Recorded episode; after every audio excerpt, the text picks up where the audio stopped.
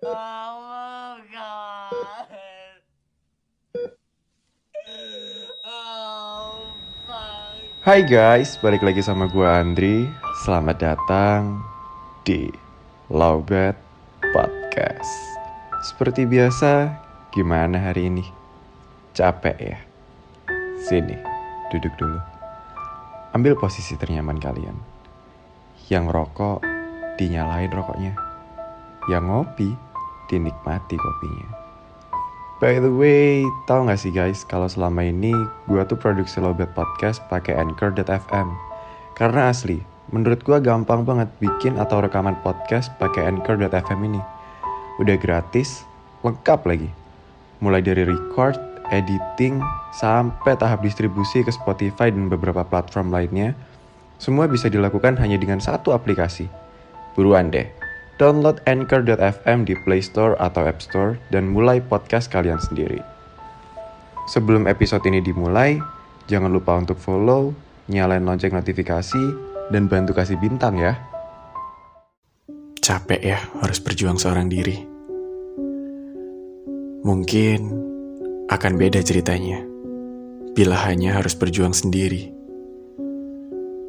Yang gue maksud sendiri di sini adalah seorang anak tunggal dari keluarga broken home, satu-satunya harapan orang tua yang dipaksa mandiri bahkan sejak umurnya masih terhitung belasan. Kala itu, saat umurku masih belasan tahun, di saat teman-temanku bisa menikmati kasih sayang yang utuh, di saat mereka bisa meminta apa pun yang mereka mau dan butuhkan pada orang tuanya, aku hanya bisa berteriak dan menangis dalam batinku. Sembari berkata pada hati, tak apa, masih ada hari esok. Akan kutebus semua yang tak kudapatkan hari ini dengan uang dan upaya dari keringatku sendiri. Well, here I am now. Kini, aku sudah menginjak kepala dua dan berpenghasilan sendiri. Bukannya bisa menebus kisah pahit masa lalu, malah harus dihadapkan dengan kejamnya realita. Honestly, I really hate myself right now. Bukannya kurang bersyukur, aku hanya membenci diriku yang terlalu realistis. Hancur rasanya hati ini ketika mendengar pertanyaan dari orang tua seperti, "Nak, sudah gajian?"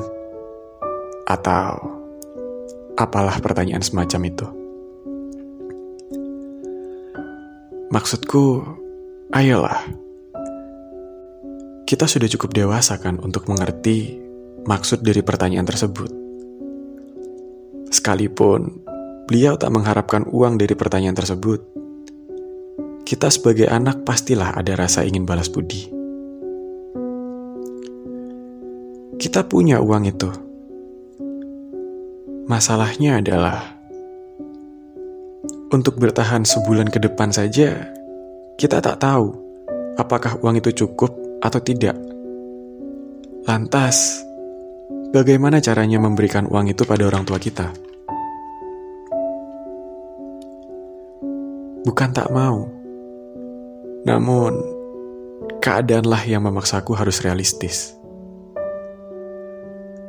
In the end of the day, aku hanya bisa terdiam melihat raut wajahnya yang kecewa. Pada titik ini, kurasa diri ini pantas disebut sampah. Ya, mau bagaimana lagi? Tak bisa kupungkiri bahwa diri ini sangat lelah. Tapi selama nafas ini masih berhembus, jadilah sampah yang bisa didaur ulang. Iya, kalian tak salah dengar. Bahkan, sampah saja masih bisa didaur ulang kan? Apalagi manusia.